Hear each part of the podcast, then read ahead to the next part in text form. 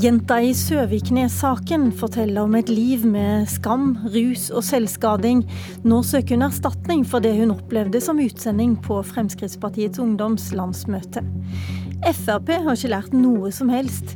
Varsler om grove overtramp møtes fortsatt med bagatellisering, løgn og passivitet, mener kommentator i Bergens Tidende.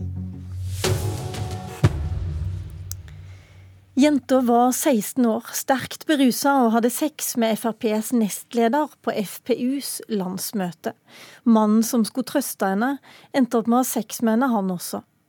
Det var en trist historie Aftenposten og Bergens Tidende fortalte i helga. Jenta i den såkalte Søviknes-saken er nå blitt 34 år, og etter landsmøtet i FPU ble hun akuttinnlagt på psykiatrisk institusjon. Siden har hun slitt med angst, skam, rus og selvskading. Siv Jensen ville ikke si til mediene i helga hvor lenge hun har visst at det fantes en mann til i denne saken. En mann som skal ha vært stortingsrepresentant for Frp. Hvor lenge har du visst, Helge André Njåstad, du leder organisasjonsutvalget som jobber med trakasseringssaker bl.a. i Frp? Nei, det har jo vært kjent eh, like lenge som saken. Eh, men eh, ikke den rolla jeg har nå, at, at, jeg sitter i organisasjonsutvalget. For den fikk jeg først i 2013. Så da ikke en sak som vi har behandla der, eh, men at det har vært eh, Selve hendelsesforløpet har vært kjent for mange lenge. Fikk det noen konsekvenser for den andre mannen? Vi vet jo det fikk konsekvenser for Søviknes sin rikskarriere. Det blir helt feil av meg å svare på hva som skjedde før, før min tid i organisasjonsutvalget. Så da, så det, kjenner jeg rett og slett ikke til eh, om det har vært noe behandling i partiorganet før jeg kom inn i, i, i de organene som i dag håndterer sakene. Burde du ikke vite det? Nei. Eh, eh, eh, det er en såpass stor og viktig sak for partiet? Nei, Jeg kom inn i 2013 og, og, og har da ansvaret for å behandle de sakene som har skjedd etter 2013. Og hva som ligger i historikken til partiet før den tid, er av mindre betydning. Det handler om å håndtere sakene i dag på en ryddig og grei måte. Ok, La oss gå fram til uh, sakene som håndteres i dag. Eirin Øykefjord, du er kommentator i Bergens Tidende, og du er med oss fra mediebyen i Bergen. Du skriver du i eh, avisa di at Frp ikke har lært noe som helst av Søviknes-saken for 17 år siden. Hva mener du med det? Ja, så Senest nå på lørdag så nekta jo Siv Jensen å fortelle når hun fikk vite om denne mann nummer to. Og Det føyer seg jo inn i dette mønsteret av løgn og tildekking som har preget alle disse sakene. Og jeg mener Det går en rød tråd gjennom partihistorien her. Fra Søviknes via Birkedal til Leirstein. Der varsler om grove tillitsbrudd blir møtt med bagatellisering, løgn og passivitet. Og der partitoppene beskytter sine egne kronprinser, og ofrene blir skjøvet unna og overlatt til seg sjøl. Kjenner du deg igjen i det Eikfjord sier, Njåstad? Nei, jeg syns det er rimelig drøye påstander å si at det er løgn. Vi driver overhodet ikke med løgn, men vi driver og behandler sakene på en ryddig måte. og Det handler om at eh, vi kan ikke saksbehandle i media, for det er mange involverte parter på alle sider som skal ivaretas på en god måte. Eh, så å på en måte dra den konklusjonen hun gjør i den både nå og i den kommentarartikkelen hennes, syns jeg ligger langt langt ut forbi det som er realitetene. Hvis man ser på hva som er riktig, så har jo Fremskrittspartiet vært en av de partiene som var tidligst ute med et strengt etisk regelverk, som etablerte et organisasjonsutvalg, og som har rutiner på plass på hvordan man håndterer sånne saker. Så at de ikke har lært noe av eh, de episodene som vi har vært utsatt for, blir jo helt feil å si. Eh, men vi kan alltid bli bedre, og vi skal være ydmyke for at vi alltid kan bli bedre. Men eh, å si at vi ikke har lært noe, da tror jeg eh, Eller det er helt feil å si. Retningslinjene er stramma i fjor? Det hjelper jo ikke å være norgesmester i retningslinjer når alle får akutt hukommelsestap hver gang det skjer noe ubehagelig. Eh, så da er jo de retningslinjene ganske lite verd. Når det gjelder dette med løgn, så var jo ikke det min historie. Alvheim innrømmer jo i sin biografi at hele partiledelsen løy i Søviknes-saken. Så det er vel etablert som et faktum. Ja, men Nå snakker du kun om saker som ligger ti år tilbake i tid. Eh, du har jo dratt en konklusjon om at vi ikke er blitt bedre. Eh, hva er det med dagens håndtering av sakene som skjer i dag, som viser at ikke man har lært noe? Du kan jo ikke dra inn ti år gamle historier og si at man ikke har lært noe i dag.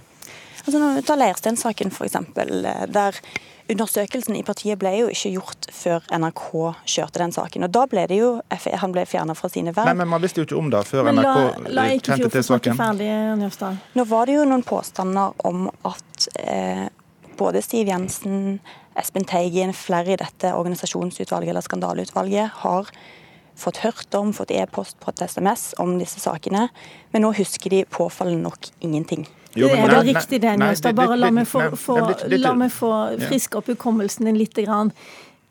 Eh, Espen Teigen, som var leder i FPU, han fikk eh, e-poster eh, og SMS-er, så vidt jeg husker. Siv Jensen, Det var to kilder som sier at de har informert Siv Jensen, fikk beskjed om at det var best at hun ikke visste. Der er også SMS-spor av at det skal ha vært kontakt med Siv Jensen. Og det var jo det samme i Søviknes-saken. Det gikk et halvt år før noen visste noen ting. Og i Birkedal-saken så gikk det også veldig lang tid fra ledelsen skal ha visst, til det faktisk ble gjort noe som helst. Jo, men i forhold til, i forhold til Leirstein-saken så har man jo visst at NRK eh, satt på, på informasjon, eh, og det var en nominasjonsstrid. Men det er noe helt annet enn det som kom fram i saken i januar. Eh, det er jo det som er faktum her. Det er jo ingen som har visst eh, det som NRK eh, presenterte i, i januar. Det man visste var noe helt annet. Men det var vel bl.a. fordi at den som ville fortelle Siv Jensen om det, fikk beskjed om at dette skulle han ikke fortelle til henne, han skulle ja. gå et annet sted? Ja, og han gikk et annet sted. Han lagde en 25 siders lang rapport der dette ikke sto med et eneste ord. Eh, så Hvis vi går inn og ser på den saksbehandlingen, så er det helt åpenbart at eh, det som NRK presenterte nå, er noe helt annet enn det som ble fortalt om eh, tilbake når det skjedde. Eikefjord, hvor, mener, hvor, lenge mener du at folk skal gjøre bot for sine metoo-synder, egentlig? Terje Søviknes, det hun forteller, hun som har stått fram nå, som er blitt 34 år, er jo at hun får tilbakefall hver gang han kommer opp i, eh, i mediene. Men hvor mye på en måte skal han lastes for det? 17-18 år etterpå? Jeg tror man må skille mellom de spørsmålene. fordi at det at hun skal ha en rett til å fortelle sin egen historie når hun er klar for det, må man ikke blande sammen med straff mot Søviknes. For hun har jo òg blitt ufrivillig dratt inn i offentligheten hver gang han har gjort et politisk karrieresteg. Men hun har kanskje ikke vært klar for å fortelle sin versjon før nå. Og Hun sier selv at hun snakker i lys av metoo. Det syns jeg er veldig relevant. Den kampanjen handler om maktmisbruk, og det er det hun har vært utsatt for. Og det erkjente man kanskje ikke i så stor grad i 2001. Hva har du lært av det som kom fram i helga, og hennes historie, Njåstad? Eh, nei, Hennes historie har ikke jeg kjent, eh, og det var jo en sterk historie å lese. Det er jo helt umulig å ikke bli berørt av det som, som hun forteller. Eh, og det er helt klart at Metoo-kampanjen har sett et helt nytt søkelys på, på, dette. og Jeg forstår veldig godt at mange nå ser de i et annet lys at kanskje, det, eh, at kanskje ting har vært annerledes enn det de sjøl så for seg for lenge siden. Så På sånn måte så har den, denne kampanjen endra både holdninger og hvordan folk eh, agerer i forhold til sånne saker. Og vi ler jo masse av disse sakene. så Det er jo derfor jeg føler at det er litt urettferdig å si at, at vi på en måte ikke, ikke, ler og ikke utvikler oss. For vi skal være veldig ydmyke for at, at hver eneste sak som skjer, gjør jo at vi blir bedre rustet til å håndtere det i fremtiden. Ingen kan jo si at de, de, problemene som denne jenta, eller denne kvinnen som hun er blitt nå som 34-åring, eh, at alle de problemene hennes ikke hadde skjedd om hun ikke var på det landsmøtet i FPU for, eh, for 18 år siden. Men det som kommer fram, er jo at hun ble akuttinnlagt eh, tre uker etterpå og har hatt store problemer siden. Men eh, spørsmålet er jo hvordan eh, eh, altså hvordan dere tenker rundt eh, Søviknes, at han faktisk nå er tilbake som statsråd, eller at han er blitt statsråd etter at noe sånt har skjedd. Når, man, når hun forteller så klart at eh, hun får tilbakefall hver gang han er veldig mye framme i media, og hver gang hennes historie kommer opp. Nei, Det er jo selvfølgelig sterkt å, å, lese hennes historie, eh, men på den andre sida så, så, er det jo et interessant spørsmål. Hvor lenge skal man i hermetegn sone for, for episoder som aldri skulle ha skjedd? Eh, I kriminalomsorgen for øvrig, nå er det jo ingen sammenligning når det ikke har skjedd noe straffbart her, eh, så er jo veldig mange opptatt av at man skal få en ny sjanse, man skal gjøre opp for seg og så komme, komme ut. Eh, men når det kommer til politikken, så, så virker det som at spesielt politiske motstandere og, og, folk som på en måte kommenterer saker, aldri blir ferdig med ting og ikke har det samme prinsippet i, som i kriminalomsorgen. At har man sont ferdig, så skal man på en måte få en ny start. Det virker som det ikke Eh, gjelder når det kommer i hvert fall til, til, Fremskrittspartiet og til disse sakene, så blir de stadig dratt opp igjen og opp igjen og debattert, selv om det ligger flere tiår tilbake i tid. Hva syns du burde skje da? Burde man bare la den saken ligge nå? Jeg syns at Terje har fått nok oppmerksomhet av den saken. Og selvfølgelig, når jeg kjenner han, så syns jeg syns på hans vegne at det blir dratt opp på den tida alltid. Han har to barn som er helt ufrivillig blitt gjenstand for den. Samtidig så forstår jeg at hun har behov for å fortelle sin historie. og når hun ikke gjorde det den gangen, at hun nå gjør det nå. Det er jo ikke sånn at vi skal fordømme henne for det. Men jeg syns at, at Terje har fått nok oppmerksomhet om den saken. Er du enig i det gikk i fjor? Det kan godt tenkes, men jeg er litt opptatt av dette med lærdom og, og, hva man gjør overfor de som er berørt. Fordi at læring er jo ikke noen teoretisk øvelse, det er jo noe man må bevise i praksis. Og Det har jo aldri kommet noen uforbeholden unnskyldning overfor de som er ramma i Birkedal-saken, i Søviknes-saken, Lerstein-saken. Og man ser fortsatt et veldig stort fokus på sine egne. Og det jeg mener bør skje, er jo at man anerkjenner deres opplevelse. Man trenger ikke legge deres versjon til grunn som en sannhet men eh, erkjenner at eh, de har eh, vært unge og utsatte og blitt overlatt til seg sjøl, og at det kanskje fortjener en beklagelse. Hjertelig takk skal du ha, Eirin Eikefjord, kommentator i Bergens Tidende, og Helge André Njåstad i Fremskrittspartiet.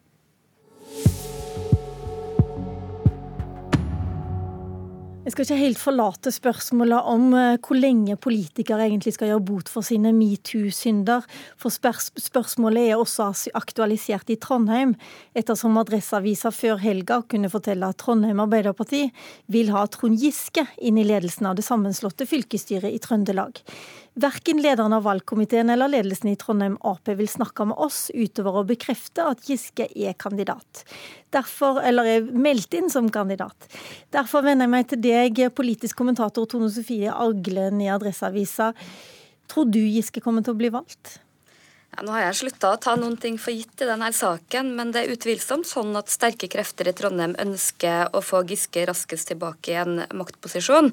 Og ifølge Adresseavisens kilder så er målet med å få Giske inn i, i, styret at de ønsker å gi han en fast plass i landsstyret.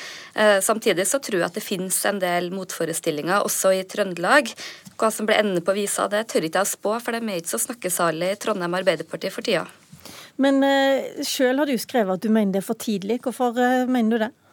Jeg tror det er minst tre grunner til det. For det første så er det en provokasjon mot partiet, hvor han nettopp har mista sine tillitsverv. Og jeg tror det vil bli oppfatta som en omkamp. Jeg mener at det er så tidlig at det er respektløst overfor varslerne. Og så mener jeg at eh, Giske selvfølgelig skal få komme tilbake og gjenoppbygge sin tillit. Men vi må også ha respekt for at det tar litt tid, og definitivt mer enn noen få uker. Og trønderne har jo ord på seg for å være trege, men eh, her går det rett og slett for fort. Hvilke tilbakemeldinger har du fått da? Er folk enige med deg der, eller har du fått eh, andre reaksjoner på det du skrev i går? Nei, Jeg tror at det er ganske sammensatt. Det er ikke noe tvil om at det er noen som mener at Giske er urimelig behandla og ønsker å få han fortest mulig tilbake, men opplever at de aller fleste ikke bagatelliserer de handlingene og mener at det er umusikalsk å foreslå han tilbake allerede nå.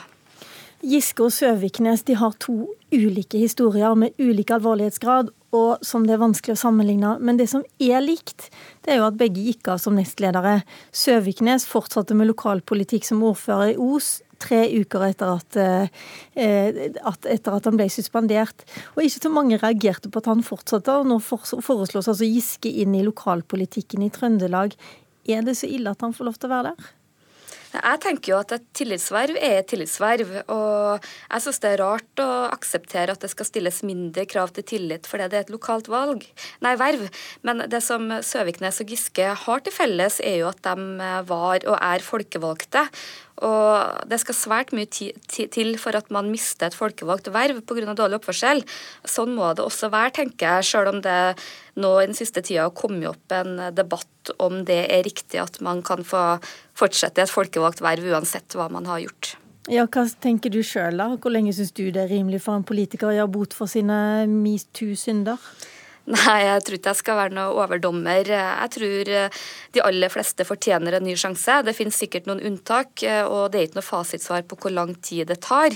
Men jeg mener at det er avhengig av hva man har gjort, det er avhengig av hvordan man skikker seg, og i politikken så er det en viss betydning hvordan partiet håndterer slike saker. Og jeg mener at noen av de skarve ukene som det er tatt eh, i Giske sitt tilfelle, det er for kort.